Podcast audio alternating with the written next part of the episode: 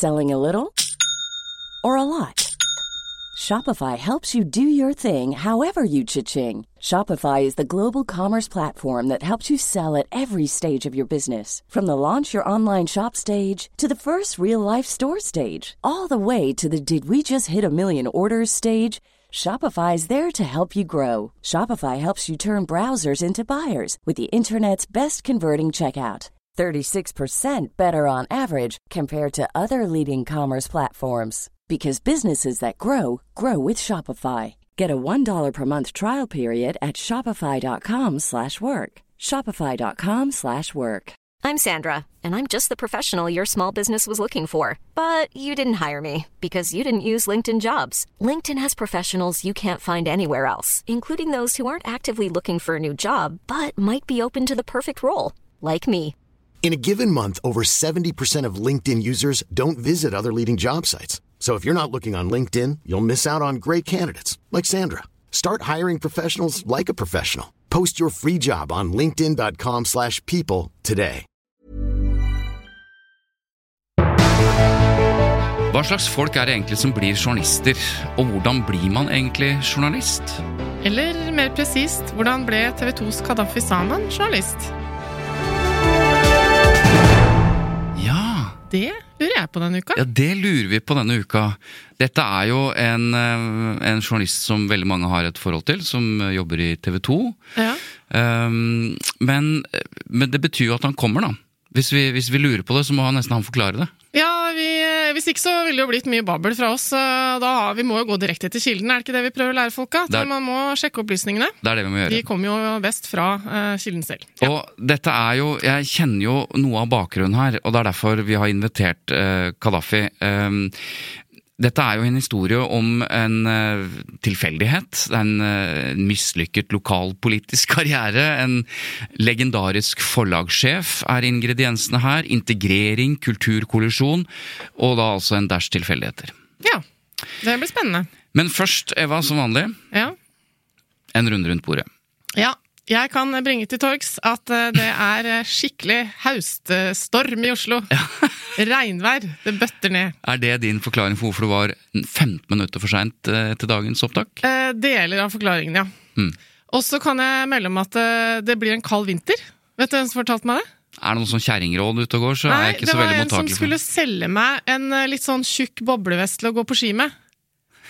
Han mente at det kom til å bli kald vinter. Altså, Da tenker vi at da blir det en kald vinter. Ja, så Grunnen til at jeg nevner dette, er at jeg tenker det er interessant eh, med tanke på rådet vårt fra forrige uke, Mm. om å hele tiden tenke hva er det kilden til informasjon er ute etter når du får den? Vi snakket om det sist gang, at alle som tipser journalister, enten det er PR-rådgivere eller eh, folk som har opplevd en sterk historie, eller det er eh, selskaper, eller hva det måtte være, alle har en interesse. Og, det, vet, og det vet journalistene. Ja. Og hvis du ikke vet det som journalist, da kan du ikke jobbe som journalist. Men jeg kjøpte den vesten, ja. Ja, ja, du kjøpte den.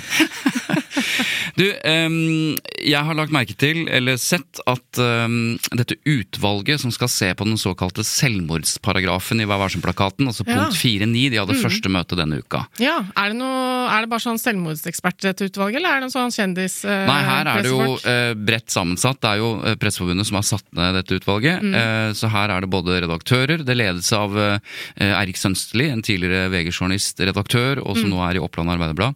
Og så henter de inn ekspertise. Lars Melum, f.eks., ekspert på selvmord, var der nå første møte og fortalte om forskningen rundt dette. Ja. Jeg kan jo også si at denne paragrafen er jo diskutert i flere omganger, også da jeg satt i Pressens faglige utvalg, så Ja. dette er et vanskelig tema som stadig er i utvikling, vil jeg si, da, i Vær varsom-plakaten. Ja, og det handler jo om at omtale av selvmord er krevende. For på den ene siden så er dette et av de største samfunnsproblemene vi har. Det er flere unge mennesker som dør i selvmord enn ulykker og sykdom til sammen. Ja. Så det fortjener oppmerksomhet, samtidig som det vanlige, du må ta hensyn til de pårørende, og så må det beskrives på en måte som gjør at det ikke får smitteeffekt. da. Ikke sant? Og forskningen viser at smitteeffekten kan komme av f.eks. glorifiseringen av selvmord, Ja. eller metoden, hvis du beskriver metoden. Så dette er kjempevanskelig. Spesielt eh, mye i forskning som viser metodebeskrivelse at det er problematisk, da, altså hvordan folk utfører selvmordet. Men la oss bare ta uh, paragrafen, fordi det står Vær varsom med omtale av selvmord og selvmordsforsøk. Unngå omtale som ikke er nødvendig for å oppfylle allmenne informasjonsbehov, og unngå beskrivelse av metode. eller andre forhold som kan bidra til å utløse flere selvmordshandlinger. Mm. Så kikket Vi på, vi har jo, eh, vi hadde I sommer så hadde vi en sånn Scoop-runde hvor vi inviterte alle de som vant Scoop-diplom eller pris. Ja. Og da vet eh, lytterne at det skrives metoderapporter som forklarer hvordan de har jobbet. Aftenposten eh, har jo hatt en serie om selvmord. Og jeg bare kikket på Jeg husket at de problematiserte den paragrafen, eh, og de skriver i rapporten. Unngå omtale som ikke er nødvendig for å oppfylle allmenne informasjonsbehov, står det, og så sier de hva innebærer denne delen av paragrafen? Vi mener dette ikke må tolkes for snevert. Omfang, konsekvenser og årsaker og reaksjoner på selvmord er underdekket. Det var også den unisone tilbakemelding fra pårørende. Skal selvmordstallene gå ned, så må vi ha kunnskap om faresignaler, tiltak og hva det bør forskes på. Dette skriver Aftenpostens journalister i den metoderapporten. De følte på mange måter at den paragrafen står nå litt i veien for det store arbeidet de gjorde. Ja. Fordi det står ikke sant, ikke mer enn at du oppfinner allmenne informasjonsbehov. Hva betyr det? Hvis du skal teste søkelys på selvmord for å få den ned, så hjelper det ikke å bare Ja, Så dette er Ja, det er, det er vanskelig dette her, og vi har snakket om det flere ganger. Eh, Det som jeg mener å huske, eh, men som jeg ikke kan referere til noen kilde på akkurat nå, det er jo at eh, etter at eh, omtalen av selvmord ble mye vanligere, så har ikke selvmordstallene gått ned. Så det er også grunn til å se på disse tallene og vurdere litt kritisk om den åpenheten faktisk fører til eh, at det er forebyggende, da, eh, det å informere folk om selvmord. For det, den diskusjonen kan man jo ha om andre temaer også, at det, jo mer man blir um, informert om mulighetene i, i vanskelige situasjoner, uh, desto mer uh, ideer kan man jo også få. Eh, det er min sånn personlige hypotese da, når jeg diskuterer f.eks. hvilke problemer fører mye gaming til hos barn. Hvis man eh, driver med eh, mye skyting, så vil de som forsker på det si at nei, det er ingenting som tilsier at eh, barn blir mer voldelige av å spille voldelige spill, kan jeg høre folk si. Mm. Men så kan jo jeg tenke, bare uten at jeg har noe belegg for det, at jo mer du gjør ting i den virtuelle verden, jo, mer, jo lettere er det jo da kanskje å, å ty til en sånn oppførsel når du er i en pressesituasjon. Sånne ting syns Mm. Ja. jeg er litt interessant, da. Og det samme tenker jeg rundt det med omtale av selvmord. At eh, det er mye bra med at man forstår hvor stort dette samfunnsproblemet er. Men jeg som har unge barn og sånn, jeg tenker også at eh, jo mer eh, dette blir normalisert, Ja. desto større er faren for at Jeg skjønner. de ja. Jeg skjønner. Jeg, jeg har jo også barn, mange av dem, men jeg er jo også bekymra for denne tematikken. fordi når jeg leser den setningen det er flere unge mennesker som tar livet av seg enn som dør av sykdom og ulykker. Ja, det er helt så blir man, det er snakk om et sted mellom 600 og 700 mennesker hvert år. Mm. Det, er, det er mange ganger de som dør i trafikken til sammen. Eh, sånn at, eh, og jeg mener, eh, for å avslutte dette, jeg mener at det ikke er nok åpenhet om selvmord. Ja, det har blitt mer, fordi pressen har mm, åpnet for det, men det har, jeg mener at det langt Altså det ikke er nok da, åpenhet rundt årsakene til dette. Men nå skal dette utvalget se på paragrafen. Det er ikke sikkert den blir endret, men et viktig arbeid. Men nok om det. Nok om det. Vi kommer tilbake til dette temaet. Ja, det gjør vi. Men uh, Svein Tore, Ja. Kadafi Saman. Ja. Han er for de fleste kjent som TV 2-journalisten som reiser verden rundt og dekker uroligheter, katastrofer og konflikter. Og han har også sitt eget TV-program, faktisk. Ja. Norge bak fasaden. Det er veldig bra. Det har han sammen med Janne Amble. Og han har laget flere programmer om eh, norske fremmedkrigere. Mm. Og så er han forfatter. Ja, han kom med en bok for ikke så lenge siden. Ja, og den må jeg innrømme at eh, den ligger hjemme, og så har jeg ikke kommet Hva i gang. er det du sier? Jeg vet det, Den eh, må jeg få lest. Har du invitert gjest det er litt flaut. uten å ha lest boka?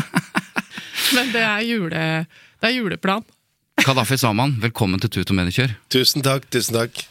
Det er så hyggelig å ha deg her. Ja, vet du hva, jeg er kjempeglad for å bli invitert. Så hyggelig. Du, I tillegg til alt det flotte vi sa om, eh, om karrieren din, så, så vil jeg legge til at eh, jeg har alltid hatt inntrykk av at du er en ganske sånn kul fyr. Du virker eh, veldig sånn eh, down. Ja, Skjønner du hva jeg mener? jeg er litt sånn nervøs bak den fasaden, da. Ok, så det er, Akkurat nå. Du er, det er en uh, dobbelthet eh, også Ja. hos deg. Det er eh, de antageligvis fordi det er. Eva Sandum som gir deg dette komplimentet, at du blir litt uh, satt ut. Eh, Først en rask disclaimer. Eh, Du og jeg kjenner hverandre godt, Kadafi. Eh, Og som de fleste lyttere av Tut og Mediekjør veit, så jobber jeg også for TV 2 som rådgiver, så er det sagt. Ja. Og der er jo jeg litt vikla inn i det, for vi to jobber sammen. Men ja. jeg skal passe på at hvis du ikke stiller noen kritiske spørsmål til dette portrettintervjuet av Kadafi, så skal jeg prøve si å kaste inn noen. Det tror jeg ikke noe på. Hvordan går det? Du, veldig bra. Mm. Det er eh, hauststorm som vi ser der ute. Ja. Du har jobbet eh, mye i det siste. Vi har, vi har egentlig forsøkt å få deg som gjest ganske lenge. Og så eh, Jeg kan ikke på torsdag, jeg er i Pakistan. Uh, fortell litt om hva du har jobbet med det siste. Nei, de siste um, ukene så har det jo vært en katastrofal flom i Pakistan, så vi måtte rykke dit.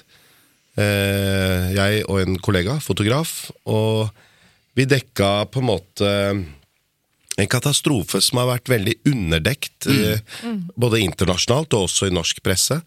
Og jeg må ærlig innrømme at jeg ble overraska over omfanget. Jeg dekka også en flom i Pakistan i 2010 som var stor. Men når vi kom ned nå, så var det altså det var vann så langt øyet kunne se.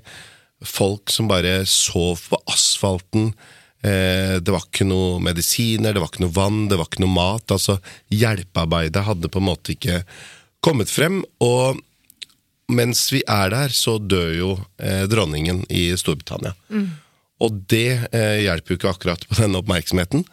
For da um, følte vi på en måte at nå vil disse menneskene bare lide eh, i det stille, uten at noen ser dem. Så, og sånn er på en måte verden. Det er jo veldig mange katastrofer der ute som vi ikke får med oss, eller som vi ikke følger med på. Men det er noe annet når du er der, ikke sant? og du ser det, og du tenker at dette er så viktig, fordi her er det en katastrofe som kanskje vi har vært med på å skape, fordi det er snakk om altså, menneskeskapte forandringer, og det er klimaforandringer. Og det er det FN har sagt som er, gjør denne katastrofen litt annerledes. Fordi i 2010, når vi var der, så var det på en måte monsun, og det var regn, og det var vannmasser som eh, skapte ødeleggelser. Mens nå så har du isbreer som har smelta. Og det er noe helt nytt. Det er på grunn av klimaendringer. Og det, å se det, altså se de konsekvensene, for millioner av mennesker En tredel av Pakistan lå under vann. 30 eh, millioner pluss mennesker er ramma. Det er så hinsides, og det er så stort, at det er vanskelig egentlig å fatte. Jeg bare lurer på, altså Da har jo du vært der, eh, som du forteller. Men eh, hvilken påvirkning har du som journalist da eh, til å si til din arbeidsplass at nå må vi prioritere dette fremfor dette? Altså Hvordan gjør dere de prioriteringene? For dette har jo vært omdiskutert eh, litt. Grann. Det, har vært, det har kommet kritikk om at det er underdekket osv. Ja, og jeg vil jo si jeg er veldig glad for at TV 2 dro. Ja. Eh, NRK dro også, Ja. men det var ingen andre norske medier. Eh, som reiste dit. Vi, eh, jeg veit jo av erfaring at eh, vi rykker jo og reiser pga. veldig små hendelser rundt omkring, spesielt i Europa. Men at det er en så stor katastrofe, og dette med klimaendringer og isbreer som smelter, altså det er så viktig, det er så i tiden, å vise konsekvensene av det. Vise de menneskelige lidelsene. Dette skjer hvis ikke vi skjerper oss, eller hvis ikke verden skjerper oss. Jeg mener det er kjempeviktig, men eh, det er klart, og det å konkurrere da med eh, altså dronningen, Rest in peace, eh, Ukraina Ja, ja. osv. Jeg skjønner jo det òg. Jeg bare lurer på sånn helt ned til det mandagsmøtet, nærmest. Hvor, eh, hvor noen sier til deg at eh, nå må du dra til London, Kadafi. Kanskje ikke typisk eh, sakskompleks du ville blitt bedt om å dekke, da, men kan du da nærmest protestere, eh, basert på din journalistiske integritet? og si, altså, eller er det bare noen som sitter og fordeler ressursene? Nei da, man liksom? kan, man kan jo protestere, men her ble vi jo sendt ned. Så det var jo sjefene Ja. som sa at eh, dra til Pakistan og, og få dette på TV. Jeg kan ikke fri meg fra tanken om at, øh, at det er spesielt øh, å reise og dekke en sånn katastrofe, men også fordi dette er litt andre hjemland. Dine foreldre øh, kom fra Pakistan på slutten av 60-tallet, faren din. Hva gjør det med deg at du dekker en katastrofe i Pakistan? Nei, altså nå har jeg jo vært i Pakistan eh, gjennom mange år. Både i oppveksten som eh, barn og de siste 20 åra som journalist. Alt fra 9-11 eh, fram til altså med jordskjelv, flom, terror. Det har vært egentlig ganske mye. Men det som gjorde mest inntrykk nå, var eh, altså disse mm, lidelsene. Det er ikke snakk om død, men det er altså barn, små barn, som ligger der de ansiktene er fulle av fluer.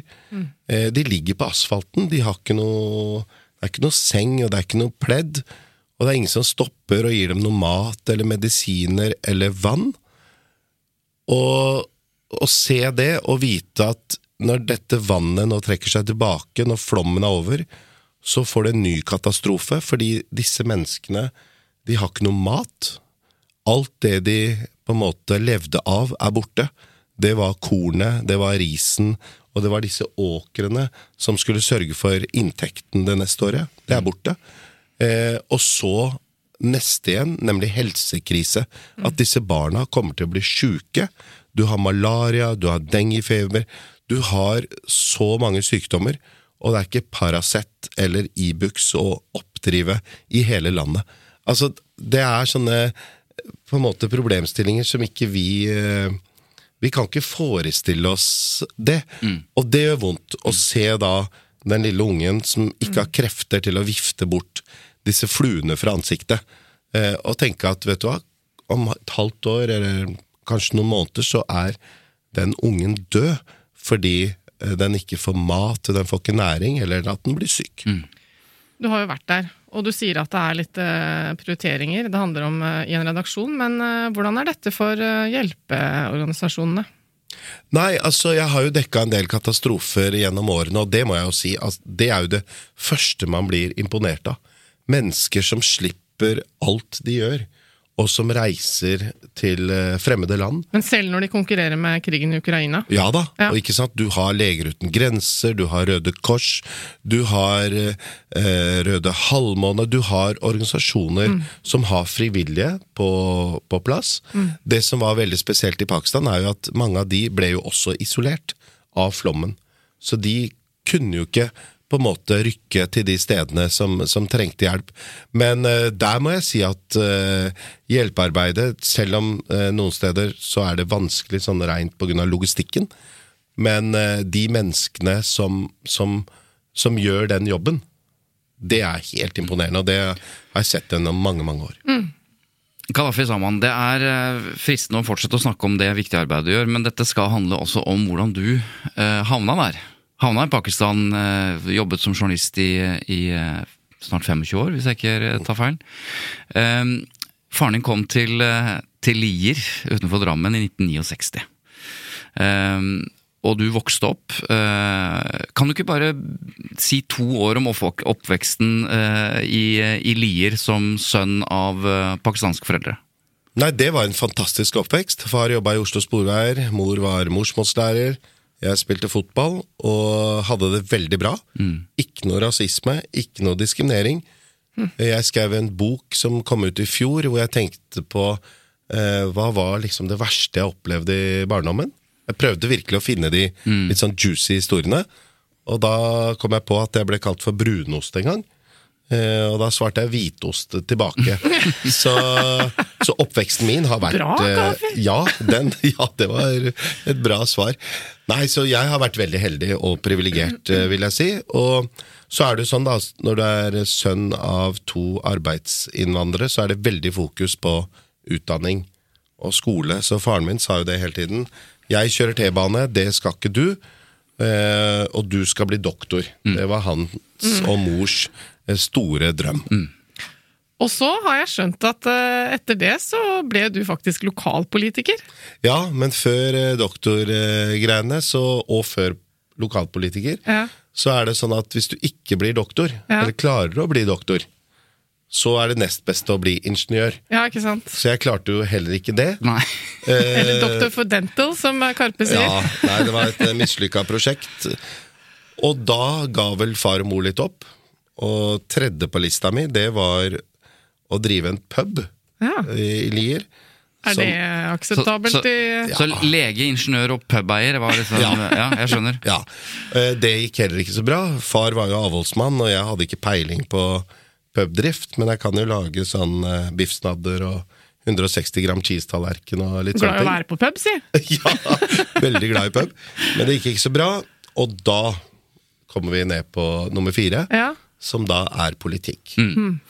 Og da engasjerte du deg lokalt, og øh, jeg syns det er øh, interessant å høre om din oppvekst, fordi det at din oppvekst var såpass bra, uten noe særlig rasisme, diskriminering, det forhindret ikke deg å stå på talerstolen lokalt og dundre på på hvor viktig det er med denne innvandringsdebatten, rasisme i hverdagen osv., selv om du ikke hadde opplevd det, fordi du visste at veldig mange andre hadde opplevd det. Men vi skal fram til et ganske stort vendepunkt i ditt liv, eh, Kadafi. Eh, du kjemper faktisk for stortingsplass. Dette er vel i 1998, eh, hvor du faktisk er Du, du er 97. 97 mm. På vei, ja selvfølgelig. Valget 97, du er på vei inn på Stortinget. Du, dette kunne gått den veien. Men så skjer et eller annet. Du, du, eh, du vinner ikke den nominasjonskampen. Og VG er til stede med hun som i dag er politisk redaktør, Hanne Skartveit. Hva er det, hva er det som skjer da? Nei, det som skjer er jo at eh, Buskerud er et eh, stort fylke. Mm. Det er mange kommuner. Eh, jeg er fra Lier og prøver å få denne femteplassen. Og nå er vi i 97, når Torbjørn Jagland er statsminister. Mm. Så den femteplassen hadde på en måte blitt en fast plass på Stortinget. Og jeg drømmer jo stort den gang, å konkurrere med en fyr fra Ringerike. Og taper på nominasjonsmøtet. Jeg tror det er ti stemmer som avgjør dette. Mm. Og nå tenker jeg jo at det var helt fair. Eh, det var geografi og på en måte en eh, representasjon av fylket som, som var riktig eh, nå. Men den gang så tenkte jeg jo ikke sånn. Nei. Så jeg var jo forbanna, dritsur, bitter, og står da på landsmøtet til Arbeiderpartiet og beskylder Arbeiderpartiet for å være veldig blenda hvitt. Eh, ikke så veldig inkluderende og er Ja, jeg må mm. bare få ut all denne frustrasjonen. Ja. Eh, og tenker jo nå i ettertid Oi, du ødela denne lokalpolitiske karrieren der og da. Eh, men det var jo ikke sånn jeg så det på. Mm. Ja, for du gikk inn i offerrollen, med andre ord. Ja. ja. Og jeg kan legge til, eh, for jeg har eh, avisartikkelen fra VG foran meg, og du sier i mange år har det vært en manglende vilje til å ta et oppgjør med innvandrerdebatten i vårt parti, både sentralt og lokalt. Fremmedfrykt er den fasjonable rasismen, den rasismen som er pent kledd og som kommer med et smil. Og den er farlig sa Saman til en fullsatt landsmøtesal. Eh, det som skjer nå, er at Hanne Skartveit, eh, som skriver denne artikkelen, eh, hun ringer til sin far. Eh, Andreas Skartveit, som er en legendarisk eh, eh, forlagsmann. Mange år i NRK, forlagssjef, redaktør, direktør i Gyldendal, fjernsynssjef, og på dette tidspunktet forlegger i Forum i Aschehoug. Han er for lengst pensjonert. Han er 85 år og sitter her. Velkommen, Andreas Skartveit. Takk skal du ha. Velkommen. Du, fortell. Hanne Skartveit ringer til deg, din datter, og ber deg lese denne artikkelen om Kalafi Saman. Eh, hvordan reagerer du når du leser dette? Eh, jeg reagerte nokså spontant, fordi som forlegger så hadde jeg et ønske om å være den første forleggeren som utga bok av, av en innvandrer. Mm. Men jeg ble lurt av tiden, for de kom før. Jeg husker ikke hva han hette. Husker du det? Han som skrev en bok på tiden? Ja, han var det boka Pakkis? Ja. ja. ja, den, ja. Mm. ja han, så, så jeg, jeg, kom altså ikke først, Nei. og det syntes jeg var litt surt. Men så ringte altså Hanne og fortalte om denne Gaddafi. så tenkte jeg da prøver jeg. Mm. Så jeg ringte Kadafi, og han tror jeg ble litt forskrekka. så, så han, han, kom inn på mitt kontor, han fant jo veien, det var på Sesteds plass. Og vi, satt, vi, vi snakka mye om navnet hans. Kadafi er jo ikke et vanlig norsk navn. Så, så satt vi og prata, og uh, han skjønte jo uh, hva jeg var ute etter, mm. og ble litt shaky av det. Men, men, uh, så, så, men så gjorde jeg noe som ikke var helt greit, tror jeg. Jeg tenkte han må få vite litt om, litt om Norge. Så jeg ga han Rune Slagstads bok om, eh, norske, om, makta i Norge. Og det er ei lefse på 400 sider som han strever seg igjennom. Ja, altså bare for å si det, Rune Slagsas Snakker snakker om nasjonale strateger. Ja, ja, ja. Altså Det er en det er kraftig kost hvis du ikke har lest uh, og satt deg inn i dette fra før av. Uh, så den ga du han som en slags lekse, da? eller? Ja. ja. Hvordan husker du denne første samtalen? Nei, Jeg husker jo at um, eh, Skartveit ringte meg. Eh, og da, ikke sant, da hadde jeg jo liksom på en måte eh, klippet ut denne artikkelen fra VG. Ødelagt eh, politiske karrieren min, men var jo stolt av å havne i den største avisa i landet. Og så får jeg denne telefonen. Kan du komme på mitt kontor på Aschehoug? På Sesteds plass, Ja, det er ikke jeg hvor som helst. Og jeg hadde aldri vært der, så jeg husker veldig godt at jeg kjøpte en brun dressjakke eh, og dro dit. Ja. Og sitter på kontoret hans. Beskriv og kontoret hilser. til Skartveit. Nei, altså, jeg husker jo Du, du ser jo fortsatt veldig lik ut, holdt jeg på å si. En skikkelig gentleman, flott fyr som sitter der med masse bøker rundt seg på et fint kontor. Og vi har en samtale om uh, denne artikkelen, og hvor jeg får vite at Hanne Skartveit er din datter. Og det er referanser til forfattere, og det er bøker, og det er litteratur. Og jeg sitter og nikker og prøver å late som jeg er med. For på det tidspunktet får du fortelle om din litterære måte, kapasitet eh, eller erfaring. Ja. Nei, min litterære kapasitet eh, Jeg mener jeg også kanskje sa det i samtalen, men det var Bopsi-barna. Ja. Så jeg var jo ikke så veldig belest. Um, men jeg prøvde å liksom late som. Og dette skjønte jo Skartveit etter hvert.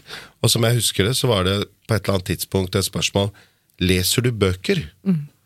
Og da mener jeg at jeg sa nei, jeg leser aviser og ser på nyhetssendinger. Men jeg leser ikke noen bøker. Og så tror jeg kanskje nevnte det med Bobsy-barna. Og da dukker jo dette med eh, de nasjonale strateger opp. Denne Det gigantiske boka. litt av et første verk å servere.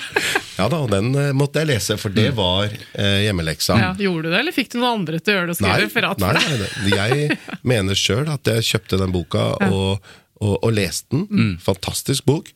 Og så var jo neste eh, på en måte oppdrag Vil du skrive en bok for Ja. meg? Andreas, Yes. hva er det du tenkte da? Eh, Hva, var det, hva, ville du at han skulle skrive? Altså, Du møter jo en fyr som ikke, ikke har skrevet noe særlig før, og ikke har han lest noe særlig før, men du vil altså gi ut en bok med Kadafi Saman på Aschhaug.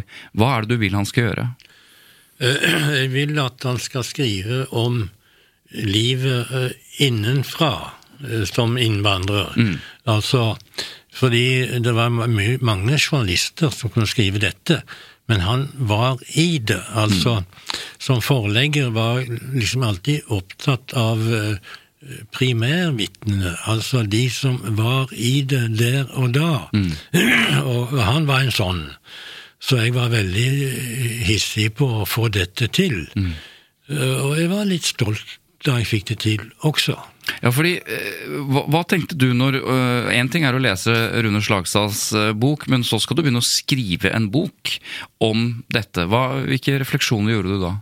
Nei, altså det var jo på en måte mange refleksjoner. Jeg hadde jo ikke den erfaringa den gang som jeg hadde nå, men jeg hadde jo veldig mange tanker om integrering og innvandring og flyktninger, altså det å vokse opp i Norge. Selv om jeg hadde på en måte en veldig fin oppvekst ute i Lier, så hadde jeg jo venner i Oslo som sleit med rasisme, og som sleit med å komme inn på boligmarked, og som sleit med å komme inn på arbeidsmarked. Og møte på en måte et storsamfunn da, som ikke eh, aksepterte dem. Du hadde den, vel gjort deg noen tanker som politiker allerede, vil jeg tro? det hadde jeg også. Ja. Altså denne vi eh, og dem-tankegangen. Hvem er norsk? Når blir man norsk? Egentlig mye av det vi fortsatt uh, snakker om. Så de tankene hadde jeg jo, og det var jo det Andreas Kartveit ville at jeg skulle uh, få ned på blokka. Så hele den skriveprosessen ble jo viktig for meg i den forstand at det var jo først da underveis at jeg skjønte hva jeg endelig skulle bli. Jeg klarte jo ikke å bli lege, ikke ingeniør, ikke pubeier, ikke politiker, og jeg er veldig glad for det. Eh, men at jo, jeg vil bli journalist. Jeg har Men- lyst til å fortelle historier om folk. Ok, Så allerede før du hadde blitt forfatter, så var det journalist som var eh, den videre veien, tenkte du? Ja, unn, i den skriveprosessen. Når jeg da sendte manus, og det var litt frem og tilbake, i den skriveprosessen så var jeg sånn Oi, dette eh, vil jeg drive med. Jeg har lyst til å skrive. Mm. Jeg må bare lese fra omtalen av boka. Altså, Boka ble hetende 'Norge i svart, hvitt og brunt. En multikulturell mosaikk'. En liten eh, eh, undertittel der. Altså står det boka er en beskrivelse om hvordan en ung mann med fremmedkulturell bakgrunn møter og ser landet. Det er også en beskrivelse av innvandrermiljøene og en beskrivelse av tanker og holdninger både hos nordmenn og innvandrere. Forfatteren tråkker på ømme tær både her og der, og legger verdikonflikten og kulturkollisjoner åpent opp i dagen. Først og fremst kreves det ærlighet av oss. Husker du denne omtalen, eh, Kadafi? Ja. Den var det jeg som skrev. Jeg tenkte meg nesten det. Og den er jeg litt stolt av. Ja. Når du ser Andreas eh, og hører Kadafi si at det er arbeidet med boka som eh, gjorde at han valgte å bli journalist. Han så at dette var noe han behersket, skrive historier. Og så har han nå en karriere som journalist som veldig få journalister i dette landet har. Han er umåtelig populær, han er uredd, og han har en viktig funksjon i samfunnet. Når du ser på dette møtet dere hadde på CCs plass, og så ser du da de siste 25 årene tilbake, hva, hva tenker du? Ja, først og fremst så handla dette om Gaddafi. Eh, Jeg er det som i sykkelsporten heter en hjelperytter. Eh, Og eh, hvis det er lov, så er jeg litt grann stolt mm. av, av hans karriere, fordi det var vel kanskje jeg som satte den i gang. Og hvis jeg nå får hekte på et, et, et lite personlig eh, Min tanke på gymnaset var å bli lege. Det kunne jeg ha blitt, men jeg ble journalist, jeg også. Det, var det, det var det jeg ble. Så vi, eh, vi er av samme art, så å si. Og i min, min journalistkarriere starta med en stor serie om, som heter Er vårt livsmiljø i fare? Og det var på slutten av 60-tallet. Eh, og det- Da laga jeg om flom i, i Asia og, og plantegift og, og ørkenspredning og alt som, som liksom kom, som ble stort etterpå, det begynte jeg med på slutten av 60-tallet. Så jeg var innom det du har holdt på med. Så jeg, på, på en måte så har Gaddafi, uten å vite det, tror jeg, tråk, tråkka i hverandres spor. Ja, jeg har mye å takke Andreas Skartveit for, og ikke minst uh, Hanne Skartveit. For hadde, altså En ting er jo at jeg er rasende og forbanna på landsmøtet til Arbeiderpartiet, men det sitter en journalist der som snapper dette opp og tenker 'oi, dette er en bra sak'. Og så leser eh, pappa Skartveit eh, denne artikkelen. Så det er jo litt om eh, livets tilfeldigheter, og hvordan Ja. du plutselig møter disse hjelperne. Og det er jo det eh, du var, å gi en helt fersk fyr tillit. Skriv en bok. Det, altså Jeg er så utrolig takknemlig for den muligheten. Ja, så fint at dere får anledning til å takke hverandre litt eh, mens dere sitter her. I'm Sandra, and I'm just the professional your small business was looking for. But you didn't hire me because you didn't use LinkedIn jobs. LinkedIn has professionals you can't find anywhere else, including those who aren't actively looking for a new job but might be open to the perfect role, like me. In a given month, over 70% of LinkedIn users don't visit other leading job sites. So if you're not looking on LinkedIn, you'll miss out on great candidates like Sandra. Start hiring professionals like a professional. Post your free job on linkedin.com/people today. Burrow is a furniture company known for timeless design and thoughtful construction and free shipping, and that extends to their outdoor collection. Their outdoor furniture is built to withstand the elements, featuring rust-proof stainless steel hardware, weather-ready teak, and quick-dry foam cushions. For Memorial Day, get 15% off your Burrow purchase at burrow.com/acast and up to 25% off outdoor. That's up to 25% off outdoor furniture at burrow.com/acast. Eh, Etter at du har gitt ut eh, boka, da, Kanafi, så har du skjønt at du har lyst til å bli journalist. Hva gjør du da? Nei, da søker jeg jo journalistutdanninga.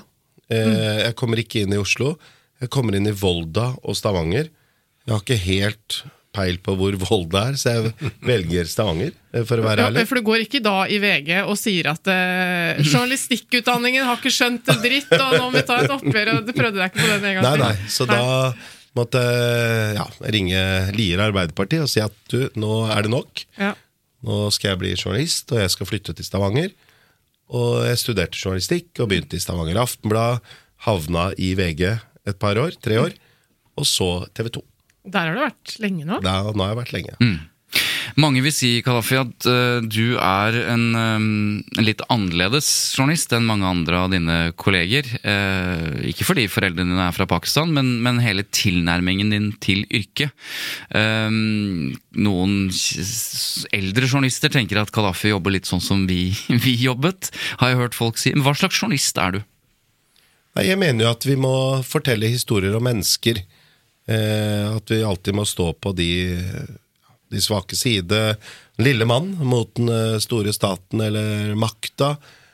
Og at vi må ut og møte folk og mm. få de historiene personlig. Du kan liksom ikke, tror jeg, få de beste historiene ved innsynsbegjæringer og sånt.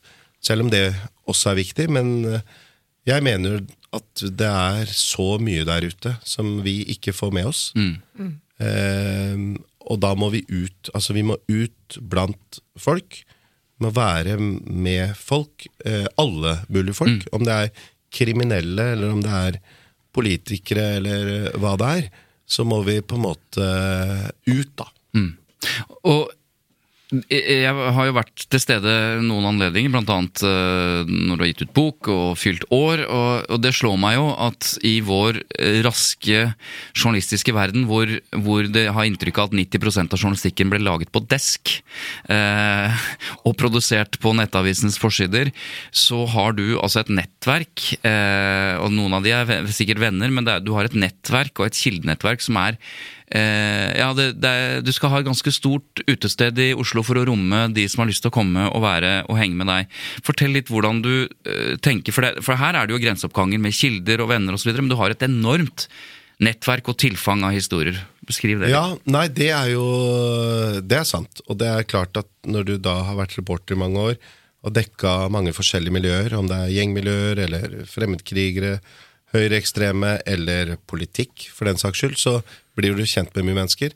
Utfordringa etter hvert er jo å ha kontakt med alle.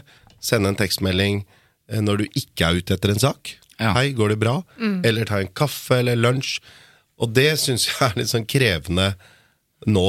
For det må ikke bli sånn at man bare tenker på folk når du har lyst til å lage en sak. Mm. Men du må også tenke på de når det er helt stille. Mm. Kildepleie når det ikke er noe, ja, ja. noe konkret. Ja. Mm. Må jeg si noe om, om dette? Da jeg, var, da jeg var forlegger i Gyldendal, så hadde jeg sånn en gang i veka satt av en time der jeg ringte til folk mm. og sa 'Hvordan har du det?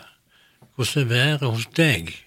Uh, og, og, og, det, og det, det, var meget lønnsomt. Så plutselig en dag ringte de, og du, nå skal du høre.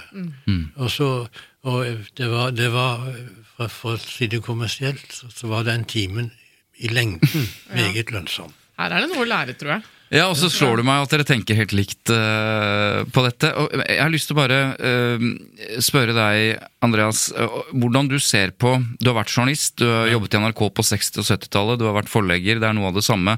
Det handler om historiefortelling, det handler om ytringsfrihet, det handler om de store tingene mm. som legger grunnlaget for et fritt samfunn. Hvordan ser du på den moderne journalistikken, da, som jeg vet ikke hvor tett du følger, følger men du, du, er godt orientert om, om, ting som skjer. Hvordan ser du på den moderne journalistikken? Uh, mitt uh, favorittsitat, det er av alle fra Lenin. Det er ikke så mange som siterer Lenin lenger. nå lenger. Men jeg, for Lenin sa at vår fremste fiende er virkeligheten, sa Lenin. Og det syns jeg er ganske klokt sagt. For det, journalistikk handler om å avdekke virkeligheten. Mm. Og når det gjelder moderne journalistikk, så er jo det mange ting å si om det. Det er veldig mye god journalistikk. Og så har du dette, dette kjendisvaset. Mm. Eh, når du ser på TV, så er det liksom gjengangere, spøkelser, som går ut og inn. Og det er de samme som går i forskjellige programmer og blir utbrukt og utkokt som en sånn gammel, gammel kjøttbein. Du tenker, Å, herregud, kommer han nå igjen, liksom? så, så det er mye sånn uh, markedsføring. Og man skal jo leve også, media skal jo leve også. Mm. Så å drive media, det handler jo om å bli hørt og sett. Og, og da blir det sånn litt sammensatt. Det blir sånn litt logring for publikum. Og, og så blir det da Så jeg, jeg syns det er mye god journalistikk og, og mye lettvint eh, sånn fjas. Men, men vi er vel alle kanskje opptatt av fjas når det kommer til stykket, så vi får ha vel den journalist, journalistikken vi fortjener, tror jeg. Ja, det kan du si. Eller så kan man også snu på det og si at eh, man blir opptatt av det som mediene serverer oss. Ja, ja. Hva kommer først? Hva tenker, Ja. altså. Du er jo midt i den moderne journalistikken, og vi hadde jo en episode forrige uke hvor, vi, hvor hele spørsmålet var var ting bedre før? Fordi Erling Borgen, den gamle NRK eh, og dokumentaristen, hadde et, eh, et eh, Ja, han var ganske misfornøyd med dagens eh, nettforsider om fjas og Sofie Elise på topp av NRK osv. Men så kom vi vel fram til at alt var ikke bedre før, for som Andreas Skartveit sier, det er veldig mye god journalistikk. Det er mer journalistikk i dag. Det fordi var det skal publiseres hele tiden. mer seriøs journalistikk før, fordi det var mindre tant og fjas. Ja, men mer eh, journalistikk i dag, og også mer gravende journalistikk. Kadafi, jeg har lyst til å spørre deg eh, nå mot slutten, eh, for dette handler om hvordan en eh, journalist blir til, og vi har hørt din historie. Um, jeg har en observasjon. Jeg begynte jo som, som journalist uten utdannelse, i hvert fall ikke journalistisk utdannelse. Jeg begynte å koke kaffe og ta imot tips, og så gikk det den veien.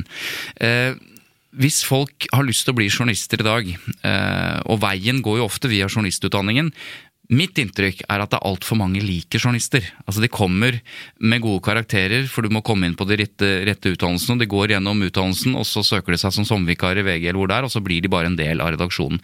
Jeg savner jo, ja, jeg savner jo journalister som kommer fra andre steder. Som har opplevd andre ting, med andre erfaringer, med andre bilder osv. Det er liksom min Ja, det tenker jeg. Eh, Og det er litt ledende, da, i og med at det er et spørsmål i enden her. Hva tenker dere? Det var jo derfor jeg ringte Kadafi, fordi han kom fra et annet sted. Nettopp. Hadde en annen historie å fortelle. Det var den historien jeg ville ha, og som jeg fikk. Og det var jeg fornøyd med. Nei, jeg er enig. Jeg, jeg tenker jo eh, Ja, det er altfor mange like journalister. Og når jeg ser tilbake på min egen karriere, så er det jo klart at eh, det å ha jobba på en pub har jo gitt meg livserfaring. Det å jobbe på et psykiatrisk sykehus eh, gjorde det. Det å jobbe på en videosjappe. Denne bokprosessen med Andreas Gartveit. Alt det har jo gitt masse perspektiver som jeg har tatt med meg. Men jeg må også si, i likhet med Andreas Gartveit her, at jeg føler jo at det lages veldig mye god journalistikk i dag. Jeg tror ikke det var så mye bedre før. Eh, Det er veldig mange gode dokumentarer, avsløringer, og det ser man jo hvis man bare ser på lista over scoop, altså bidrag, altså undersøkende journalistikk. Men det er klart at det kan hende at det drukner litt, da. Fordi det er så mange flere plattformer. Da jeg begynte, så var det én avisdeadline, eller det var én 21-sending eh, i TV 2-nyhetene. Nå er det så mange flere plattformer som vi må levere til, og folk er jo også på så mange andre plattformer, så kanskje den seriøse journalistikken drukner litt, men den er der ute, og det er jo stort sett de unge, nye som på en måte bidrar til den. Du sa i stad Kadafi, at øh, du ble journalist fordi du skjønte at du likte å skrive, men så blei du reporter. Ja, I TV. hvor- Hvordan gir det mening? Nei, det var også en sånn tilfeldighet, eh, og en god hjelper. For jeg jobba jo i VG, hadde det veldig bra. Ble ringt opp av en redaktør i TV 2 som lurte på om vi kunne spise lunsj. Eh, og jeg dro og spiste lunsj, og så tenkte jeg ikke noe mer på den lunsjen. Der fikk jeg et jobbtilbud, og han ringte tilbake. Har du tenkt noe mer over jobbtilbudet? Så sa jeg ja, nei, nei takk. Og så gikk det ett år. Det kom en ny nyhetsredaktør i TV 2, Jan Ove Aarsæter, som ringer. 'Hei, kan vi spise lunsj?' Jeg har et jobbtilbud. Og så sier jeg ja, ja, det kan vi. Og så sier Jan Ove Aarsæter, og det glemmer jeg aldri, ja, men da må du ikke gjøre som i fjor, da. Hvor du bare spiser lunsj, og så glemmer du jobbtilbudet. så hvis du er seriøst interessert, Ja. så spiser vi. Og da måtte jeg jo tenke, og vi spiser lunsj, og jeg takker ja, til TV 2. Så det var også en god hjelper som Andreas Gartveit. Og så vil jeg si at øh, da har du jo allerede skrevet ting og hatt påvirkningskraft på den måten, men det som skjer når du blir reporter på TV, er jo at øh, du, du får et kjent fjes, og du blir jo en rollemodell på en litt annen måte. Eh, Hvilke refleksjoner gjør det deg om det, eh, med den bakgrunnen du har, og, og hva det eventuelt betyr? Nei, Jeg savner jo det byline-livet, da. Ja. Hvor du bare Hvor du kan gjemme deg litt, eller? gjemme deg og kødde og ja, Ja. gjøre mye morsomt. ja. Det er det eneste du vil reflektere rundt det? At du Ja. savner egentlig å ikke være på skjermen? Ja. Ok. Men eh, da får jeg eh, spørre litt mer ledende, da. Tenker du over at du kanskje nå er en rollemodell for mange som ikke tenker eh, umiddelbart det du beskrev i stad, nemlig at journalist er et yrke som jeg kan vurdere? Altså, Ja, du tenker- sier jo det jeg- at folk jeg- med en annen bakgrunn ofte Ja, jeg tenker jo at eh, da jeg møtte Andreas Skartveit, så var det ikke noe særlig mangfold. Verken i politikken eller i pressen. Det var veldig blenda hvitt. Jeg er jo vokst opp med å se Khalid Salimi eller Aslam Asan på TV. Og de satt der og gjorde sitt beste. Og prøvde å argumentere med Carl I. Hagen på sin gebrokne norsk. Det var på en måte det jeg eh, så på TV. Nå har du en helt annen generasjon. Du har et helt annet mangfold av politikere, av journalister og programledere og skuespillere, som gjør jo at de barna som vokser opp nå, for dem er ikke det unaturlig med en eh, reporter TV 2 eller eh, anker i Dagsrevyen eller eh, Så, så, så eh, vi har jo kommet veldig langt, da. Men det som på en måte jeg aldri glemmer, er jo at for 25 år siden så ser Da var det ikke noe mangfold, og da ringer Andreas Skartveit til helt ukjente Kadafi Saman og gir han en sjanse. Det sier jo mye om, eh, om den mannen. Skartveit, til slutt. Du, du var ikke først med en eh, med innvandrerbakgrunn som skrev boka. Det var Khalid Hussain som skrev boka 'Pakkis', som vi kom fram til. Men så, så skriver eh, Kadafi en annen bok som fører til en stor journalistisk eh, karriere. Er det noe du eh, på tampen eh, tenker eh, du vil si til Kadafi? Dere har jo møttes nå for første gang etter ganske lang tid, hvis jeg forstår det riktig. Er det noe du har lyst til å si til han? Jeg er litt stolt av han, hvis det er lov å si det.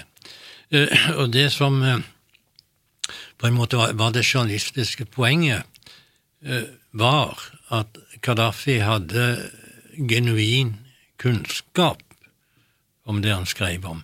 Jeg har et barnebarn som nå ser ut til å være på vei inn i journalistikken. Og jeg holder jo sånn litt preiker for han og sånn, og så sier jeg alltid, og jeg tror han er lei av å høre det til forbannelse, sier det er ingen erstatning for kunnskap, sier jeg. Du må, du må lære Han studerer nå i Frankrike, historie og økonomi, og jeg terper på det. Altså, kunnskap er, er konge, og uten kunnskap kan det gå fryktelig galt. Kadafi. Nei, det var utrolig klokt sagt. Og tusen, tusen takk, Andreas Kartveit. Du, eh, du har eh, en utrolig stor rolle i mitt liv. Takk skal du ha. Og så tror jeg vi kan eh, si at dere begge to har hatt en stor rolle i, i det å gjøre journalistikken mer mangfoldig. Dere har jo tross alt eh, tatt et viktig tidlig skritt. Så det kan vi to takke dere for, da, kanskje? Kan vi gjøre. Og, eh, og det er ikke ofte vi har sånne møter i Tut og Mediekjør. Uh, Det skal ikke hindre oss i å svare på lytterspørsmål helt til slutt. Nei. Bli sittende, kadaffer, for det kan godt hende at du har lyst til å bidra uh, med svar. Men vi har altså uh, et spørsmål som er helt konkret, og, Nei, er og, og rart at vi ikke har fått det før. Vi snakker jo ofte om desken. Ja. At journalister lager sakene, og så sender de saken til desken, eh, og så lager de noen overskrifter og ingress som journalisten av og til tenker at nei, men det er desken sin feil at det ble så tabloid. Ja, Den har Og- vi hørt noen ganger. Ja, og spørsmålet er fra Olav. Si meg en ting. Har ikke journalister kontroll over hva som blir overskriften på egne saker? Spørsmålstegn. Ja. Og det er jo ganske interessant spørsmål. Ja, ja, ja. Eh, og du har jobbet både i Stavanger Aftenblad, VG, nå gjelder det for så vidt også på TV 2s plattformer, for dere skriver jo nettsaker osv. Ja, Eller det blir laget nettsaker fra deres programmer Ja. og reportasjer. Hva, hva vil du svare, Kadafi? Nei, jeg husker iallfall én sak, og det var i VG, hvor vi lagde en sak om eh, prostituerte. Som da eh, bodde ved Ullevål Hageby. Og jobben min var å følge de litt sånn uh, undercover, kan man si. Så litt sliten ut med skinnjakke, og fulgte de litt sånn fra morgen til kveld. Eh, fra de gikk på jobb, uh, og det de på en måte holdt på med. Og leverte et, en sak med en overskrift. Og da gjorde desken den overskriften om til Ullevål Horeby. Eh, Såpass, ja. ja, Ja, og det var ikke min skyld. tablo mest tabloide. Ja, ja. Men, men tror eh. Ja. hvor- mye kontroll altså kan, Da hadde kan, jeg ingen kontroll. Nei, ikke sant? Men hvis, hvis det, det, skrives ut en sak med en overskrift, og så sier journalisten at vet du hva, dette, dette er for drøyt, liksom.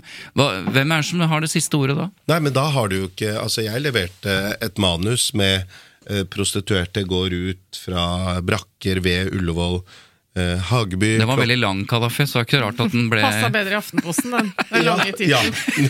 Nei, nei, nå, oh ja, nei, nei, nå snakka jeg om ingressen. Ja, okay. Jeg husker ikke tittelen, men den eh, skapte jo reaksjoner, for det var jo en del i ledelsen som bodde i Ullevål Hageby. Ja, nettopp. Det er jo litt sånn kulturelitested for de som ikke kjenner til Ullevål Hageby. Ja.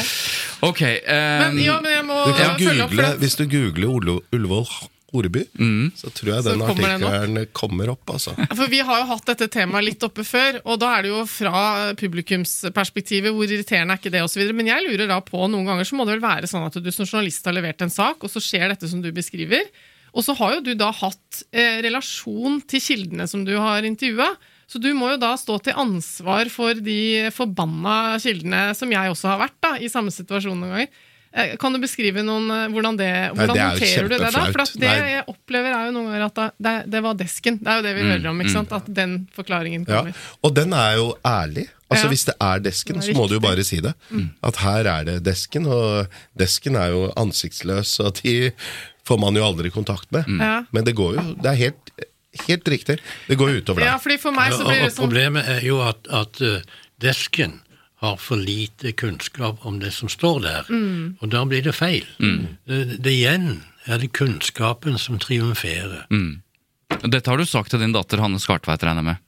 Å ja, det, til, det var til, til hennes sønn, Ja. som så- nå, nå er i gang.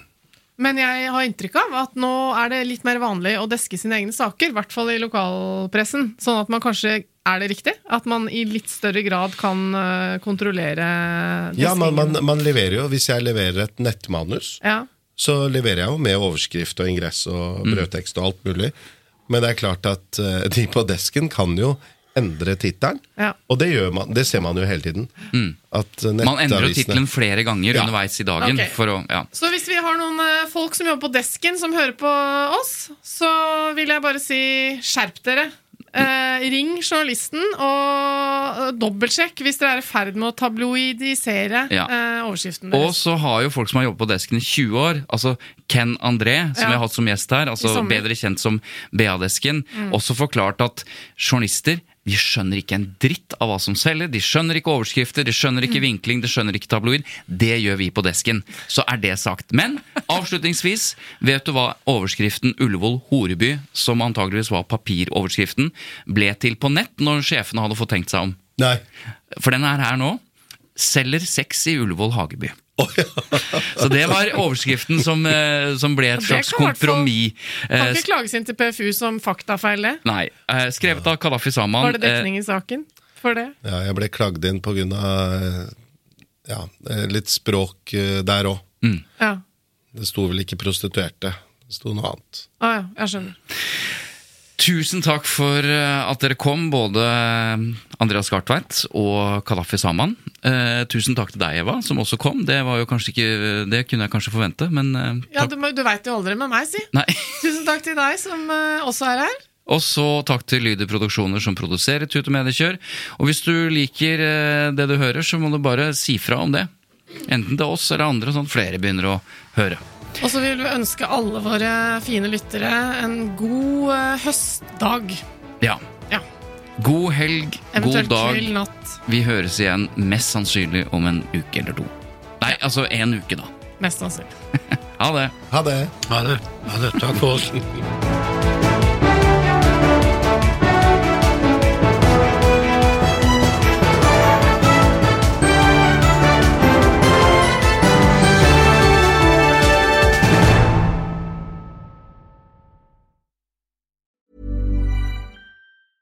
A lot can happen in the next three years. Like a chatbot may be your new best friend. But what won't change? Needing health insurance. United Healthcare Tri Term Medical Plans are available for these changing times. Underwritten by Golden Rule Insurance Company, they offer budget friendly, flexible coverage for people who are in between jobs or missed open enrollment. The plans last nearly three years in some states, with access to a nationwide network of doctors and hospitals. So, for whatever tomorrow brings, United Healthcare Tri Term Medical Plans may be for you. Learn more at uh1.com. Hey, it's Danny Pellegrino from Everything Iconic. Ready to upgrade your style game without blowing your budget? Check out Quince. They've got all the good stuff shirts and polos, activewear, and fine leather goods, all at 50 to 80% less than other high end brands. And the best part? They're all about safe, ethical, and responsible manufacturing. Get that luxury vibe without the luxury price tag. Hit up quince.com slash upgrade for free shipping and 365 day returns on your next order. That's quince.com slash upgrade.